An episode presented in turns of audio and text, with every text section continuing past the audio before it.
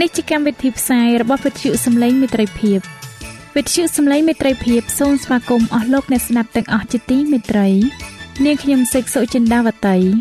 ហើយខ្ញុំបាទអង្ចាន់វិជ្ជៈក៏សូមស្វាគមន៍លោកអ្នកស្ដាប់ទាំងអស់ផងដែរនៅពេលនេះយើងខ្ញុំមានសេចក្តីសុំមនស្សរីករាយដោយបានវិលមកជួបអស់លោកអ្នកនាងកញ្ញាអ្នកស្ដាប់សាជាថ្មីម្ដងទៀត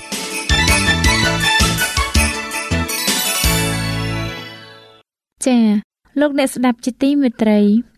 នាងខ្ញុំសូមគោរពអញ្ជើញអស់លោកលោកស្រី អ្នកនាងកញ្ញាតាមដានស្ដាប់កម្មវិធីផ្សាយរបស់វិទ្យុយើងខ្ញុំដូចតទៅ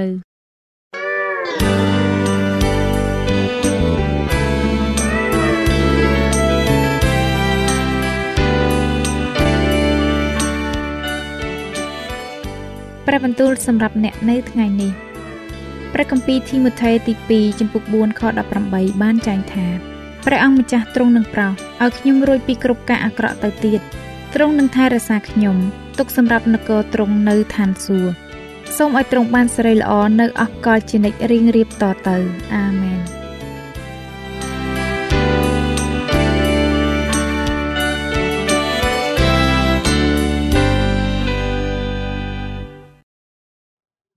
បាទជំរាបសួរអស់លោកអ្នកទាំងអស់គ្នាជាទីមេត្រីសូមស្វាគមន៍មកកាន់នេតិ មេរៀនសបាស្គូលប្រចាំសប្តាហ៍មេរៀនសម្រាប់ថ្ងៃនេះ មានចំណងជើងថា ធ្វើរឿងដែលមិនអាចទៅរួចសម្រាប់លោកអ្នកដែលចង់បានមេរៀននេះប្រើនៅលើទូរស័ព្ទដៃ Android របស់លោកអ្នកលោកអ្នកអាចទាញយកបាននៅលើ Play Store ដោយគ្រាន់តែវាយពាក្យថាខ្មែរសបាស្គូលអស់លោកអ្នកជាទីមេត្រីឡាវហ្វុកគឺជាគ្រីស្ទៀនជនជាតិចិនមួយរូបលោកពិតជាមានចិត្តអាណិត អាសូរចំពោះជនជាតិរបស់ខ្លួនណាស់ដែលបានជាប់ជាទាសករនៅក្នុងអណ្ដូងរ៉ែនៅទ្វីបអាហ្វ្រិកឡាវហ្វុកមានបំណងចង់ផ្ដល់នូវសេចក្តីសង្ឃឹមតាមរយៈដំណឹងល្អអំពីព្រះយេស៊ូវដល់ជនជាតិចិនទាំងនោះប៉ុន្តែលោកអាចទៅជួបពួកគេបានដោយវិធីណាទៅនោះលោកក៏មានគំនិតមួយគឺថាលោកនឹងលាក់ខ្លួនរបស់លោកឲ្យទៅធ្វើជាទាសកររយៈពេល5ឆ្នាំ ក្រោយមក លោកក៏ត្រូវបានគេបញ្ជូនឲ្យទៅធ្វើការនៅក្នុងអណ្ដូងរ៉ែមួយកន្លែង នៅក្នុងតំបន់មួយដែលមានឈ្មោះថាដេមេរ៉ារ៉ាលោកក៏ទៅធ្វើការនៅក្នុងអណ្ដូងរ៉ែនោះហើយក៏បានបង្រៀនមនុស្សជាច្រើនអំពីព្រះយេស៊ូវដែរក្រោយមកទៀតលោកឡាវហ្វូកក៏បានស្លាប់ទៅប៉ុន្តែមុនពេលដែលលោកអស់ជីវិតទៅលោកក៏បាននាំមនុស្សចំនួន200នាក់ឲ្យបានទទួលយកព្រះយេស៊ូវជាព្រះអង្គសង្គ្រោះរបស់ពួកគេនេះ គឺជាគំរូមួយដ៏មានអធិពលចំពោះអស់អ្នកដែលហ៊ានលះបង់អ្វីអ្វីគ្រប់យ៉ាង ដើម្បីជួយសង្គ្រោះដល់អ្នកដទៃជាការពិតណាស់នេះជាឧទាហរណ៍មួយដែលបានស្ដែងចេញនៅសេចក្តីស្រឡាញ់របស់ព្រះព្រះយេស៊ូវក៏បានក្លាយមកជាបាវបំរើ ដើម្បីយាងមកជួយសង្គ្រោះឲ្យមនុស្សរួចផុតពីទាសករនៃអំពើបាបព្រះគម្ពីរហ្វីលីបជំពូក2ខ7 ព្រះអង្គបានយាងមកដើម្បីផ្ដល់នូវសេចក្តីសង្ឃឹមដល់រាជរបស់ទ្រង់ហើយនឹងរំដោះពួកគេឲ្យមានសេរីភាពព្រះគម្ពីរអេសាយបានបរិយាយប្រាប់យើង អំពីរឿងនេះរាប់រយឆ្នាំមុនពេលដែលព្រះយេស៊ូវបានយាងមកនៅលើផែនដីនេះម្លេះមេរៀនរបស់យើងនៅសប្តាហ៍នេះនឹងពិនិត្យមើលអ្វីដែលព្រះគម្ពីរអេសាយបាននិយាយអំពីព្រះយេស៊ូវព្រះគម្ពីរអេសាយជំពូក50ខ4ដល់ខ10បានចែងថា ព្រះអង្គម្ចាស់យេហូវ៉ាទ្រង់បានប្រទានឲ្យខ្ញុំមានវោហា ដូចជាអ្នកដែលបានរៀនសូត្រហើយ ដើម្បីឲ្យខ្ញុំបានចេះប្រើពាក្យសម្ដី និងជ្រងមនុស្សក្រៀកចិត្តឡើងទ្រង់ដាស់ខ្ញុំរាល់តែព្រឹក គឺទ្រង់ដាស់ត្រចៀកខ្ញុំ ដើម្បីឲ្យខ្ញុំស្ដាប់ ដូចជាអ្នកដែលកំពុងតែរៀនសូត្រព្រះអង្គម្ចាស់យេហូវ៉ាទ្រង់បានបើកត្រចៀកខ្ញុំហើយខ្ញុំមិនបានរឹងចចេះឬបែរក្រោយឡើយខ្ញុំបានប្រគល់ខ្នង ឲ្យទៅពួកអ្នកដែលវាយហើយថ្ពាល់ខ្ញុំឲ្យទៅពួកអ្នកដែលបោចពុកចង្ការខ្ញុំមិនបានកិច្ចមុខពីសេចក្តីអាម៉ាស់ខ្មាស់ឬពីការស្ដោះទឹកមាត់ទេ ពីព្រោះអម្ចាស់យេហូវ៉ាទ្រង់នឹងជួយខ្ញុំហេតុនោះ បានជាខ្ញុំមិនត្រូវជ្រប់មុខហើយដោយហេតុនោះខ្ញុំបានកាត់ចិត្តឲ្យរឹងដូចថ្មដែកភ្លើងហើយខ្ញុំដឹងថា ខ្ញុំមិនត្រូវខ្មាស់ឡើយព្រះដែលតាំងខ្ញុំជាសុចរិត ទ្រង់គង់នៅចិត្តតើអ្នកណានឹងតវ៉ាចំពោះខ្ញុំទៀតចូលយើងឈរឡើងជាមួយគ្នាតើអ្នកណា ដែលជាទំនាស់នឹងខ្ញុំត្រូវឲ្យអ្នកនោះចូលមកចិត្តខ្ញុំចុះមើលព្រះអម្ចាស់យេហូវ៉ាទ្រង់នឹងជួយខ្ញុំតើអ្នកណានឹងពោលទាស់នឹងខ្ញុំបាន មើលគេនឹងចាស់ទៅទាំងអស់គ្នា ដូចជាសម្លៀកបំពាក់ហើយកន្លាតនឹងកាត់គេអស់ទៅ ក្នុងពួកឯងរាល់គ្នា តើមានអ្នកណាដែលកោតខ្លាចដល់ព្រះយេហូវ៉ាដែលស្ដាប់តាមសំឡេងរបស់អ្នកបម្រើទ្រង់ឯអ្នកដែលដើរក្នុងសេចក្តីងងឹតឥតមានពន្លឺសោះត្រូវឲ្យអ្នកនោះទុកចិត្តដល់ព្រះនាមនៃព្រះយេហូវ៉ាហើយផ្អែកទៅលើព្រះនៃខ្លួនចុះណែអស់អ្នកដែលបង្កាត់ភ្លើង ជាអ្នកដែលក្រវ៉ាត់ខ្លួនដោយកន្ទុយអស់អើយចូលឯងរាល់គ្នាដើរក្នុងអណ្ដាតភ្លើងរបស់ឯងហើយកណ្ដាលកន្ទុយអស់ ដែលឯងបានបង្កាត់នោះចុះឯងនឹងបានតែប៉ុណ្ណោះពីដៃអញហើយឯងរាល់គ្នានឹងត្រូវដេកទៅដោយទុក្ខវេទនាអស់លោកអ្នកជាទីមេត្រីតើខព្រះគម្ពីរទាំងនេះ បាននិយាយរៀបរាប់អំពីអ្វីខ្លះតើខនេះបង្ហាញយើងយ៉ាងដូចម្តេចអំពីអង្គព្រះយេស៊ូវព្រះគម្ពីរអេសាយជំពូក49ខ7យើងបានឃើញថាមនុស្សមានការស្អប់ខ្ពើមចំពោះបាវបំរើរបស់ព្រះ អ្នកបំរើរបស់ពួកអ្នកដែលគ្រប់គ្រងប៉ុន្តែបណ្ដាក្សត្រនឹងឃើញក្រោកឈរឡើងព្រមទាំងពួកចៅហ្វាយដែរគេនឹងក្រាបថ្វាយបង្គំដោយព្រោះព្រះយេហូវ៉ាទ្រង់ជាព្រះដ៏ស្មោះត្រង់អ្នកបម្រើនេះក៏ជាគ្រូបង្រៀនដ៏សុភាពរៀបសារម្នាក់ដែរពាក្យពេចន៍របស់លោកធ្វើឲ្យអ្នកដែលទុនខ្សោយមានកម្លាំងចិត្តឡើងអេសាយចំពុក50ខ4មនុស្សទាំងឡាយ នឹងវាយដំធ្វើបាបចំពោះអ្នកបម្រើនោះ លោកនឹងត្រូវរងទុក្ខដើម្បីនឹងជួយសង្គ្រោះដល់មនុស្សមានបាបទាំងឡាយការរងទុក្ខនេះពិតជាធ្វើឲ្យយើងស្អប់ខ្ពើមណាស់យ៉ាងណាមិញ នៅចិត្តបូព៌ាប្រទេសក្នុងសម័យព្រះគម្ពីរកិត្តិយសពិតជារឿងដែលសំខាន់ណាស់ប្រសិនបើជនណាម្នាក់បានជេរប្រមាថដល់ជនម្នាក់ទៀតនោះ អ្នកដែលត្រូវគេជេរប្រមាថនឹងព្យាយាមធ្វើឲ្យជននោះឈឺចាប់វិញជាក់ជាមិនខានឡើយ។ស្ដេចដាវីតបានវាយប្រហារនិងបោះសម្អាតដល់ក្រុងអាម៉ូនព្រះគម្ពីរសាមយូអាលខ្សែទី2ជំពូក10ខ1ដល់ខ12តើដោយសារហេតុអ្វីទៅ ពីព្រោះស្ដេចអាម៉ូន បានចាប់មេតបរបស់ដាវីត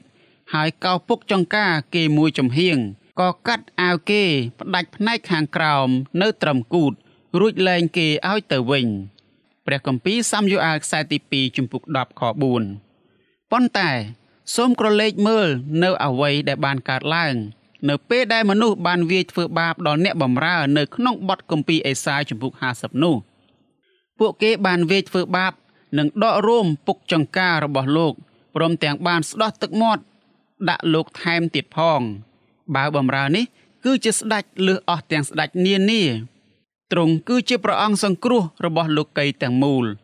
ទ្រង់បានគ្រប់គ្រងលើរបស់សពសារពើនៅលើផ្ទៃមេឃនិងផែនដីផង តែទ្រង់មិនបានជួយសង្គ្រោះព្រះអង្គទ្រង់ឡើយនេះគឺជារឿងដ៏ចម្លែកណាស់មនុស្សទាំងឡាយពិបាកនឹងជឿថា នេះគឺជាការពិត នៅពេលដែលព្រះយេស៊ូវទ្រង់បានជាប់នៅលើឈើឆ្កាងមេដឹកនាំទាំងឡាយបានសើចចំអកនិន្ទាឲ្យទ្រង់ពួកគេបានពោលពាក្យលក់លើយឲ្យទ្រង់ សេចក្តីនេះមានចែងនៅក្នុងព្រះគម្ពីរលូកាជំពូក23ខ35ថាបើវាជាព្រះគ្រីស្ទជាអ្នករើសតាំងរបស់ព្រះមែននោះឲ្យវាជួយសង្គ្រោះខ្លួនវាទៅរីឯព្រះគម្ពីរម៉ាថាយជំពូក27ខ42ក៏បានចែងដែរថាបើសិនវាជាស្ដេចសាសអ៊ីស្រាអែលមែនចូលឲ្យវាចុះពីឈើឆ្កាងមក នោះយើងនឹងជឿដល់វាអស់លោកអ្នកជាទីមេត្រី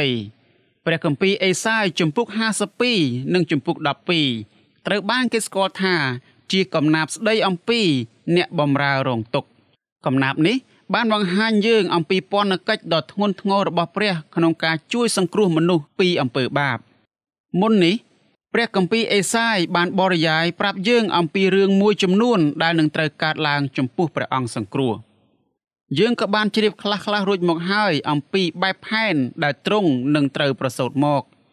ព្រះគម្ពីរអេសាយចំពុក7ខ14បានចែងថាដូច្នេះព្រះអម្ចាស់ទ្រង់នឹងប្រទានទីសម្គាល់មួយ មកអ្នករាល់គ្នា ដោយព្រះអង្គទ្រង់មើល នាងព្រហ្មចារីនឹងមានគរប្រសូតបានបុតមួយ ហើយនឹងឲ្យព្រះនាមថាអេម៉ាញូអែលយើងបានឃើញថាព្រះអង្គសង្គ្រោះ នឹងយាងមកប្រសូតជាបុត្រារបស់លួងដេវីតនាពេលអនាគតព្រះអង្គសង្គ្រោះទ្រង់នឹងដឹកនាំសាសអ៊ីស្រាអែលឲ្យបានវិលត្រឡប់មករកព្រះវិញហើយទ្រង់នឹងចម្រើនកម្លាំងដល់គេផងអេសាយជំពូក11ខ1ដល់ខ16ទ្រង់នឹងបញ្ចប់នៅការរងទុក្ខវេទនារបស់រាជទ្រង់ទ្រង់នឹងសម្រេចនៅសេចក្តីដែលត្រឹមត្រូវនិងយុត្តិធម៌ ប៉ុន្តែព្រះអង្គសង្គ្រោះត្រូវតែរងទុក្ខមុនពេលដែលទ្រង់ត្រូវទទួលនៅសេរីល្អកំណាបដែលនិយាយអំពីអ្នកបម្រើដែលត្រូវរងទុក្ខនឹងបង្ហាញយើងឲ្យឃើញថាតើព្រះអង្គសង្គ្រោះនឹងត្រូវរងទុក្ខយ៉ាងណាចំពោះអំពើបាបរបស់យើងព្រះគម្ពីរអេសាយជំពូក52និងជំពូក53ធ្វើឲ្យយើងត្រៀមខ្លួនជាស្រេចសម្រាប់កំណាបនេះ ខគម្ពីរនេះប្រាប់យើងថា អ្នកបម្រើនឹងទទួលបាននូវស្រីល្អប៉ុន្តែដំបូងទ្រង់នឹងត្រូវរងទុក្ខជាខ្លាំងការរងទុក្ខរបស់ទ្រង់នឹងផ្លាស់ប្ដូរលក្ខណៈរបស់ទ្រង់មនុស្សដែលស្គាល់ទ្រង់នឹងមិនជឿថានោះជាទ្រង់ឡើយព្រះគម្ពីរអេសាយជំពូក53ខ1និងខ2ផ្ដើមសេចក្តីឡើង ដោយបរិយាយប្រាប់យើងអំពីទីកន្លែង ដែលអ្នកបម្រើនោះមក ទ្រង់មើលទៅគ្មានភាពសង្ហា ឬស្រស់ស្អាតនោះទេប៉ុន្តែទ្រង់គឺមានសភាពសាមញ្ញតែប៉ុណ្ណោះមិនយូរប៉ុន្មានទ្រង់នឹងត្រូវសោយសោកមនុស្សនឹងលើកគ្នាដើម្បីទាស់នឹងទ្រង់ព្រះគម្ពីរអេសាយជំពូក53ខ4ដល់ខ6បានចែងប្រាប់យើងថាទ្រង់បានទ្រាំទ្ររងអស់ទាំងសេចក្តីឈឺចាប់របស់យើង ហើយបានទទួលផ្ទុកទាំងសេចក្តីទុក្ខព្រួយរបស់យើងពិត ប៉ុន្តែយើងរាល់គ្នាបានរាប់ទ្រង់ទុកជាអ្នកមានទោសវិញ គឺជាអ្នកដែលព្រះបានវាយជាអ្នកដែលរងវេទនាតែទ្រង់ត្រូវរបួសដោយព្រោះអំពើរំលងរបស់យើងក៏ត្រូវវាជាំដោយព្រោះអំពើទុច្ចរិតរបស់យើងទេឯការវាយផ្ចាលដែលនាំឲ្យយើងបានជាមេត្រី នោះបានធ្លាក់ទៅលើទ្រង់ហើយយើងរាល់គ្នាបានប្រោសឲ្យជា ដោយសាសនាមរំពាត់នៅអង្គទ្រង់ យើងទាំងអស់គ្នា បានទៀសចេញដូចជាជាម គឺយើងបានបែកចេញទៅតាមផ្លូវរបស់យើងរៀងខ្លួន ហើយព្រះយេហូវ៉ាបានទម្លាក់អំពើទុច្ចរិតរបស់យើងទាំងអស់គ្នាទៅលើទ្រង់អស់លោកអ្នកជាទីមេត្រីខព្រះគម្ពីរនេះពន្យល់ថា អ្នកបម្រើរូបនេះកំពុងទទួលទណ្ឌកម្មជួសយើងរាល់គ្នាហើយទ្រង់ទទួលទណ្ឌកម្មជួសយើងរាល់គ្នាដើម្បីឲ្យយើងរាល់គ្នាបានជាឡើងវិញ ព្រះគម្ពីរអេសាយជំពូក53ខ7ដល់ខ9ក៏បានចែងបន្តទៀតថាទ្រង់ត្រូវគេសង្កត់សង្កិន ហើយធ្វើទុក តែទ្រង់មិនបានហើបព្រះអស់សោះគឺដូចជាកូនជៀមដែលគេដឹកទៅសម្លាប់ ហើយដូចជាជៀមដែលគោនៅចំពោះពួកអ្នកកាត់រោមយ៉ាងណាទ្រង់ក៏មិនបានហើបព្រះអស់សោះយ៉ាងនោះដែរទ្រង់ត្រូវដកចេញពីអំណាចការពារហើយពីសេចក្តីយុត្តិធម៌ ឯសម័យចំនួនទ្រង់តើមានអ្នកណារំពឹងគិតឃើញថាទ្រង់បានត្រូវកាត់ចេញពីស្ថានរបស់មនុស្សរស់នេះ ហើយត្រូវវាយដោយព្រោះអំពើរំលងរបស់ជនជាតិខ្ញុំនោះ ហើយក្នុងកាលដែលទ្រង់សគត់នោះគេក៏បញ្ចុះសពទ្រង់នៅជាមួយនឹងពួកអាក្រក់ហើយនៅក្នុងភ្នោរបស់អ្នកមានម្នាក់ទោះបើទ្រង់មិនដែលធ្វើអំពើទុច្ចរិតណាមួយក៏ដោយ ក៏មិនដែលមានការបញ្ឆោតនៅក្នុងព្រះអស់ទ្រង់ឡើយផង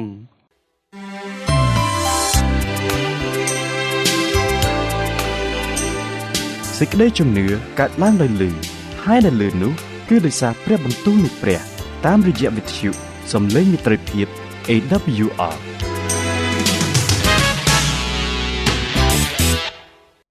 អស់លោកអ្នកជាទីមេត្រី ខព្រះគម្ពីរទាំងអស់នេះ ក៏បានបរិយាយប្រាប់យើងអំពីអ្នកបម្រើដែលឥតមានទោសនេះត្រូវបានគេធ្វើគុតនៅក្នុងព្រះគម្ពីរអេសាយជំពូក50ខ10ដល់ខ12ក៏បានចែងទៀតថាទោះបើយ៉ាងនោះគង់តែព្រះយេហូវ៉ាបានសពព្រះតីនឹងវាយទ្រង់ឲ្យជាប់ហើយឲ្យឈឺចាប់កាលណាព្រះជន្មទ្រង់ត្រូវបានថ្វាយទុកជាយ៉ាញ់បូជាលុះបាបហើយនោះទ្រង់នឹងបានឃើញពូជពងរបស់ទ្រង់ហើយនឹងចម្រើនព្រះជន្មទ្រង់ឲ្យយឺនយូរតទៅ ឯបំណងព្រះハរតីនៃព្រះយេហូវ៉ានោះនឹងជឿនឡើងដោយព្រះហស្ថទ្រង់ទ្រង់នឹងឃើញផលនៃការដែលប្រលឹងទ្រង់រងវេទនានោះនឹងបានស្កប់ស្កល់ផង អ្នកដ៏សុចរិតគឺជាអ្នកបម្រើរបស់អញទ្រង់នឹងធ្វើឲ្យមនុស្សជាច្រើនបានសុចរិតដោយគេស្គាល់ដល់ទ្រង់ហើយទ្រង់នឹងទទួលរងទោសចំពោះអំពើទុច្ចរិតរបស់គេហេតុនោះអញនឹងឲ្យទ្រង់មានចំណែកជាមួយនឹងពួកអ្នកធំ ហើយទ្រង់នឹងចែករបបជាមួយនឹងពួកអ្នកដ៏ខ្លាំងពូកែពីព្រោះទ្រង់បានជ្រួចប្រលឹងចេញ រហូតដល់ស្លាប់ គេបានរាប់ទ្រង់ទុកជាអ្នកទទឹងច្បាប់ប៉ុន្តែទ្រង់បានទទួលរងទោសនៃអំពើបាបរបស់មនុស្សជាច្រើន ហើយបានអង្វរជំនួសមនុស្សដែលទទឹងច្បាប់វិញអស់លោកអ្នកជាទីមេត្រី អ្នកបំរើបានទទួលរង្វាន់និងកិត្តិយសរបស់គាត់ យើងបានដឹងថា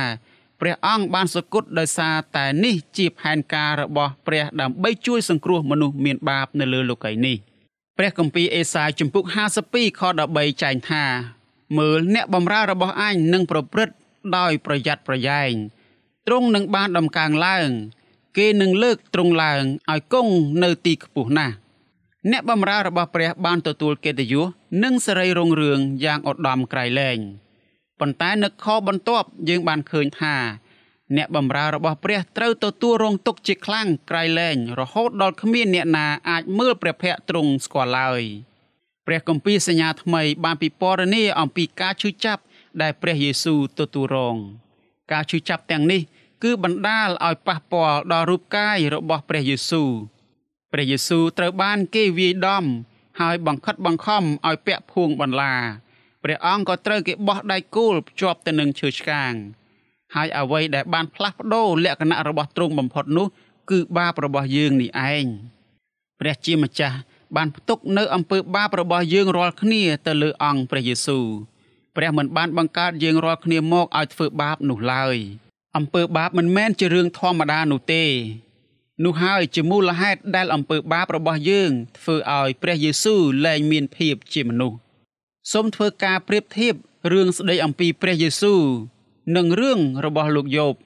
លោកយោបបានបាត់បង់ទ្រព្យសម្បត្តិកិត្តិយសនិងអំណាចរបស់គាត់ទាំងអស់ភ្លាមភ្លាមមួយរំពេចបន្ទាប់មកគាត់ក៏បានអង្គុយប្រឡាក់ផេះនៅលើដីគាត់បានកោសដំបៅរបស់គាត់ជាមួយនឹងបំណែកឆ្នាំងដែលបែកបាក់ព្រះគម្ពីរយោបជំពូក1និងជំពូក2លោកយោបបានផ្លាស់ប្ដូរច្រើនណាស់មិត្តសម្លាញ់របស់គាត់ មើលមិនដឹងថាគាត់ជានរណានោះទេ ពេលពួកគេមកជួបគាត់ជាលើកដំបូងព្រះគម្ពីរយោបជំពូក1ខ12សំណួរសួរថាតើហេតុអ្វីបានជាយោបត្រូវរងទុក្ខតើហេតុអ្វីបានជាព្រះអង្គសង្គ្រោះត្រូវរងទុក្ខលោកយោបមិនបានធ្វើអ្វីខុសទេ ហើយព្រះយេស៊ូវក៏មិនបានធ្វើអ្វីខុសដែរអ្នកទាំងពីរជាជនដែលគ្មានកំហុសតលតែសោះតើហេតុអ្វីបានជាពួកគេរងទុក្ខទៅវិញ ព្រះគម្ពីរអេសាយជំពូក53ខ1បានចែងថាចូលភ្ញាក់ឡើង ចូលភ្ញាក់ឡើងឲ្យក្រុងស៊ីយ៉ូនអើយចូលពាក់កម្លាំងរបស់ឯងឲ្យយេរូសាឡឹមជាទីក្រុងបរិសុទ្ធអើយចូលប្រដាប់ដោយសម្លៀកបំពាក់ដ៏រុងរឿងរបស់ឯងចុះត្បិតពីនេះទៅមុខនឹងគ្មានពួកមិនកាត់ស្បែកឬពួកស្មោករោគចូលមកក្នុងឯងទៀតឡើយអស់លោកអ្នកស្ដាប់ជាទីមេត្រី យើងត្រូវបានសុំឲ្យជឿនៅអ្វីដែលគ្មាននរណាម្នាក់គិតថាអាចធ្វើទៅបានឡើយប៉ុន្តែពួកគេក៏បង្ហាញយើងផងដែរថាព្រះជាម្ចាស់សម្ដែងនៅឫទ្ធានុភាពរបស់ទ្រង់ដល់អស់អ្នកណា ដែលជឿលើព្រះបន្ទូលរបស់ទ្រង់តើលោកអ្នកចង់បានសង្គ្រោះដោយសារព្រះដែរឬទេ ដូច្នេះចូលជឿលើព្រះបន្ទូលរបស់ទ្រង់ចុះព្រះគម្ពីរអេសាយជំពូក53ខ6បានចែងថា ហេតុនោះរាជអញនឹងស្គាល់នាមអញហេតុនោះគេនឹងដឹងក្នុងថ្ងៃនោះថា គឺអញនេះហើយដែលចេញវាចា មើលគឺអញនេះហើយតើមានព្រះបន្ទូលអ្វីខ្លះសម្រាប់យើងនៅក្នុងខនេះតើខនេះព្រះទ្រង់មានបន្ទូលយ៉ាងណាទៅកាន់លោកអ្នកផ្ទាល់លោកអ្នកប្រហែលជាបានធ្វើបាបឬខកខានមិនបានធ្វើរឿងដែលត្រឹមត្រូវកាលពីមុនមកតើខនេះបានផ្ដល់ឲ្យលោកអ្នកនៅសេចក្តីសង្ឃឹមយ៉ាងដូចម្ដេច មនុស្សមួយចំនួន មិនដែលគិតថាបើបំរើដែលរងទុកគឺជានរណាម្នាក់ដែលពិសេសនោះឡើយពួកគេស្អប់ត្រង់ព្រះគម្ពីរអេសាយបានបង្ហាញយើងអំពីមូលហេតុដែលយើងរាល់គ្នាគួរតែស្រឡាញ់ទ្រង់បើបំរើគឺជាបុត្រតូចមួយដែលបានប្រសូតមកសម្រាប់យើងរាល់គ្នាទ្រង់គឺជាម្ចាស់នៃសន្តិភាពមែនហើយ មនុស្សផ្សេងទៀតបានស្អប់ទ្រង់មែនប៉ុន្តែយើងរាល់គ្នា ដឹងថាទ្រង់ជាអ្នកណា មានអ្នកខ្លះបាននិយាយថា យើង បានជួបសត្រូវរបស់យើងហើយឯខ្មាំងសត្រូវរបស់យើងនោះ គឺជាខ្លួនយើងនេះឯងបើបំរើមិនមែនជាបុគ្គលដំបូង ដែលត្រូវបានគេស្អប់នោះឡើយទ្រង់មិនមែនជាបុគ្គលទី1ដែលរងទុក្ខនោះទេ ស្ដេចដាវីតក៏ត្រូវបានគេស្អប់ខ្ពើមដែរទ្រង់បានរងទុក្ខនៅពេលដែលទ្រង់បានរត់ភៀសប្រកាយចេញពីអាប់សាឡំបុត្រារបស់ទ្រង់ ព្រះគម្ពីរសាមយូអែលខ្សែទី2ចំពុក15ខ30ប៉ុន្តែបើបំរើមិនដែលបានធ្វើអ្វីមួយដែលនាំឲ្យព្រះអង្គទ្រង់មានការឈឺចាប់ខ្លួនឯងឡើយការរងទុក្ខរបស់ទ្រង់មិនមែនបណ្ដាលមកពីអំពើបាបរបស់ទ្រង់នោះទេ អ្នកបំរើមិនបានរងទុក្ខសម្រាប់បុគ្គលតែម្នាក់ឯងនោះទេព្រះគម្ពីរអេសាយចំពុក53ខ6បានចែងថា ព្រះយេហូវ៉ាបានទម្លាក់អំពើទុច្ចរិតរបស់យើងទាំងអស់គ្នាទៅលើទ្រង់តើហេតុអ្វី បានជាបាបំរើ បានជ្រើសរើសរងទុក្ខទៅវិញ ពីព្រោះទ្រង់ស្រឡាញ់យើងរាល់គ្នាទ្រង់បានជ្រើសរើសជួយសង្គ្រោះដល់អស់អ្នកដែលគួរតែស្លាប់ប៉ុន្តែមនុស្សមួយចំនួនមិនបានយល់អំពីសេចក្តីស្រឡាញ់របស់ព្រះឬហេតុផលនៃការរងទុក្ខរបស់ទ្រង់នោះទេ ពួកគេគិតថាអ្នកបម្រើរូបនេះបានរងទុក្ខដោយសារ ព្រះបានដាក់ទណ្ឌកម្មដល់ទ្រង់ទៅវិញដូចគ្នានេះដែរមិត្តភ័ក្តិរបស់លោកយោបបានគិតថាលោកយោបប្រកាសជាបានធ្វើអ្វីមួយដែលខុសឆ្គងហើយទើបបានជាគាត់ត្រូវរងទុក្ខវេទនាបែបនេះពួកសាវករបស់ព្រះយេស៊ូវក៏បានគិតដូចគ្នានេះដែរចំពោះបរិះដែលពិការភ្នែកម្នាក់ហេតុនេះហើយបានជាពួកគេសួរព្រះយេស៊ូវនៅក្នុងព្រះគម្ពីរយូហានចំពោះ9ខ2ថាតើបរិះនេះកើតមកខ្វាក់ដោយសារគាត់ធ្វើបាបមែនឬទេ ឬក៏ឪពុកម្ដាយរបស់គាត់បានធ្វើបាបអស់លោកអ្នកជាទីមេត្រី មនុស្សដែលបានឃើញព្រះយេស៊ូវនៅលើឈើឆ្កាង ពួកគេបានគិតមិនល្អទាល់តែសោះអំពីទ្រង់ពួកគេបានចងចាំពាក្យរបស់លោកម៉ូសេដែលបានលើកឡើងនៅក្នុងព្រះគម្ពីរចោទយកថាជំពូក21ខ23ថាត្បិតអ្នកណាដែលត្រូវព្យួរនោះជាអ្នកដែលត្រូវព្រះដាក់បណ្ដាសាហើយអស់លោកអ្នកជាទីមេត្រី អ្វីគ្រប់យ៉ាងដែលកើតឡើងចំពោះព្រះយេស៊ូវគឺជាផ្នែកមួយនៃផែនការរបស់ព្រះដើម្បីជួយសង្គ្រោះមនុស្សបាបព្រះគ្រីស្ទទ្រង់បានលួសយើងរាល់គ្នាឲ្យរួចពីសេចក្តីបណ្ដាសាព្រះគម្ពីរអេសាយជំពូក53ខ10បានចែងថាព្រះយេហូវ៉ាទ្រង់បានលាតព្រះពេហុបរិសុទ្ធរបស់ទ្រង់នៅភ្នែកនៃគ្រប់ទាំងសះហើយអស់ទាំងចុងផែនដីបានឃើញសេចក្តីសង្គ្រោះរបស់ព្រះនៃយើងរាល់គ្នា តើអ្នកយល់អំពីខនេះយ៉ាងដូចម្តេចដែរអ្នកបំរើបានថ្វាយអង្គទ្រង់ទុកជាដងវាយសម្រាប់លួសបាបនោះ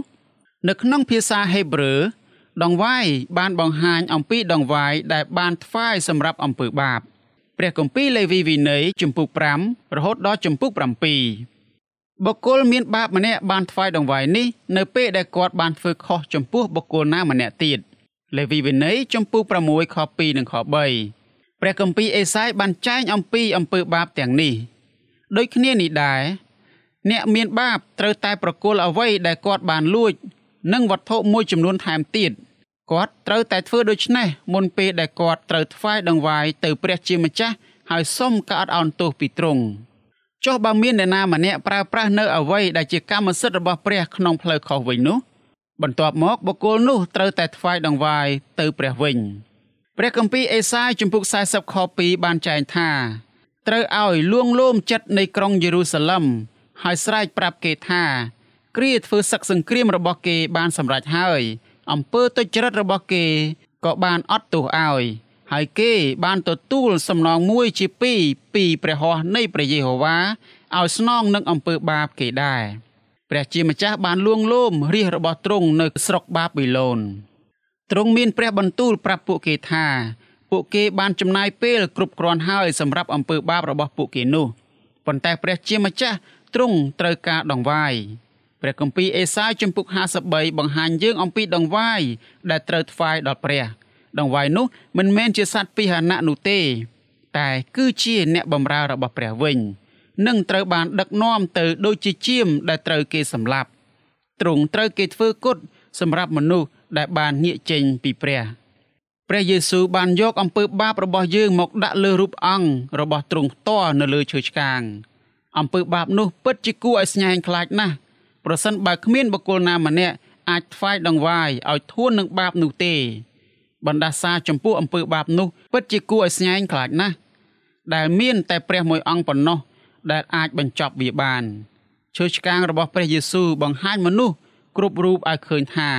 ឈ្នួលនៃអំពើបាប ជាសេចក្តីស្លាប់ព្រះយេស៊ូវបានប្រទាននូវសេរីរុងរឿងនិងព្រះកិត្តិស័ព្ទដល់ក្រឹតវិន័យរបស់ព្រះ នៅពេលដែលទ្រង់បានសគត់នៅលើឈើឆ្កាង ច្បាប់នេះជាច្បាប់នៃអាណាចក្ររបស់ព្រះនៅស្ថានសួគ៌ព្រះយេស៊ូវគឺជាព្រះរាជបុត្រាតែមួយគត់របស់ព្រះទ្រង់បានទម្លាក់ទោសពៃទាំងឡាយមកលើអង្គទ្រង់សម្រាប់អំពើបាបរបស់មនុស្សទាំងអស់ របស់គ្រប់យ៉ាងដែលយើងត្រូវការគឺមានតែនៅក្នុងព្រះយេស៊ូវប៉ុណ្ណោះនៅពេលដែលទ្រង់បានយាងមកផែនដីនេះជាមនុស្សហើយក៏សគត់ជួសយើងរាល់គ្នាផងទ្រង់បានរងទុកជំនួសយើងរាល់គ្នាដោយសារតែព្រះបានប្រទាននៅកម្លាំងដល់ទ្រង់ទ្រង់គ្មានបាបសោះឡើយទ្រង់បានស្មោះត្រង់នឹងព្រះគ្រប់បែបយ៉ាងព្រះយេស៊ូវបានមានជ័យជំនះលើមហាវិវាទប្រឆាំងនឹងអំពើបាបរបស់យើង ទ្រង់បានទទួលរងទណ្ឌកម្មជំនួសយើងរាល់គ្នាទ្រង់បានប្រទាននៅអំណោយទានជាជីវិតអស់កលជានិច្ចដល់យើងផងដែរ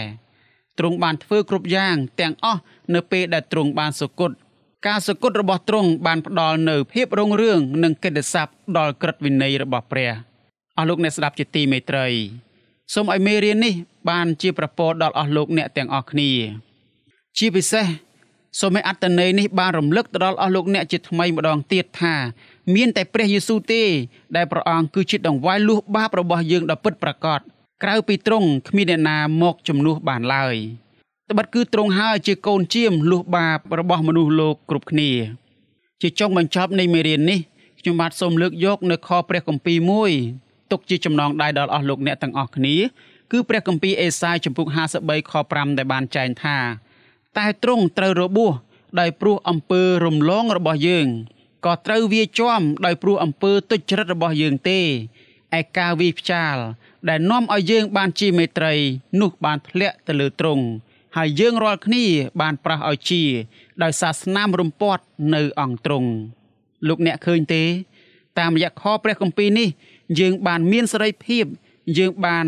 ប្រសើរឡើងដោយសារតែព្រះអង្គបានរងទុក្ខជំនួសយើង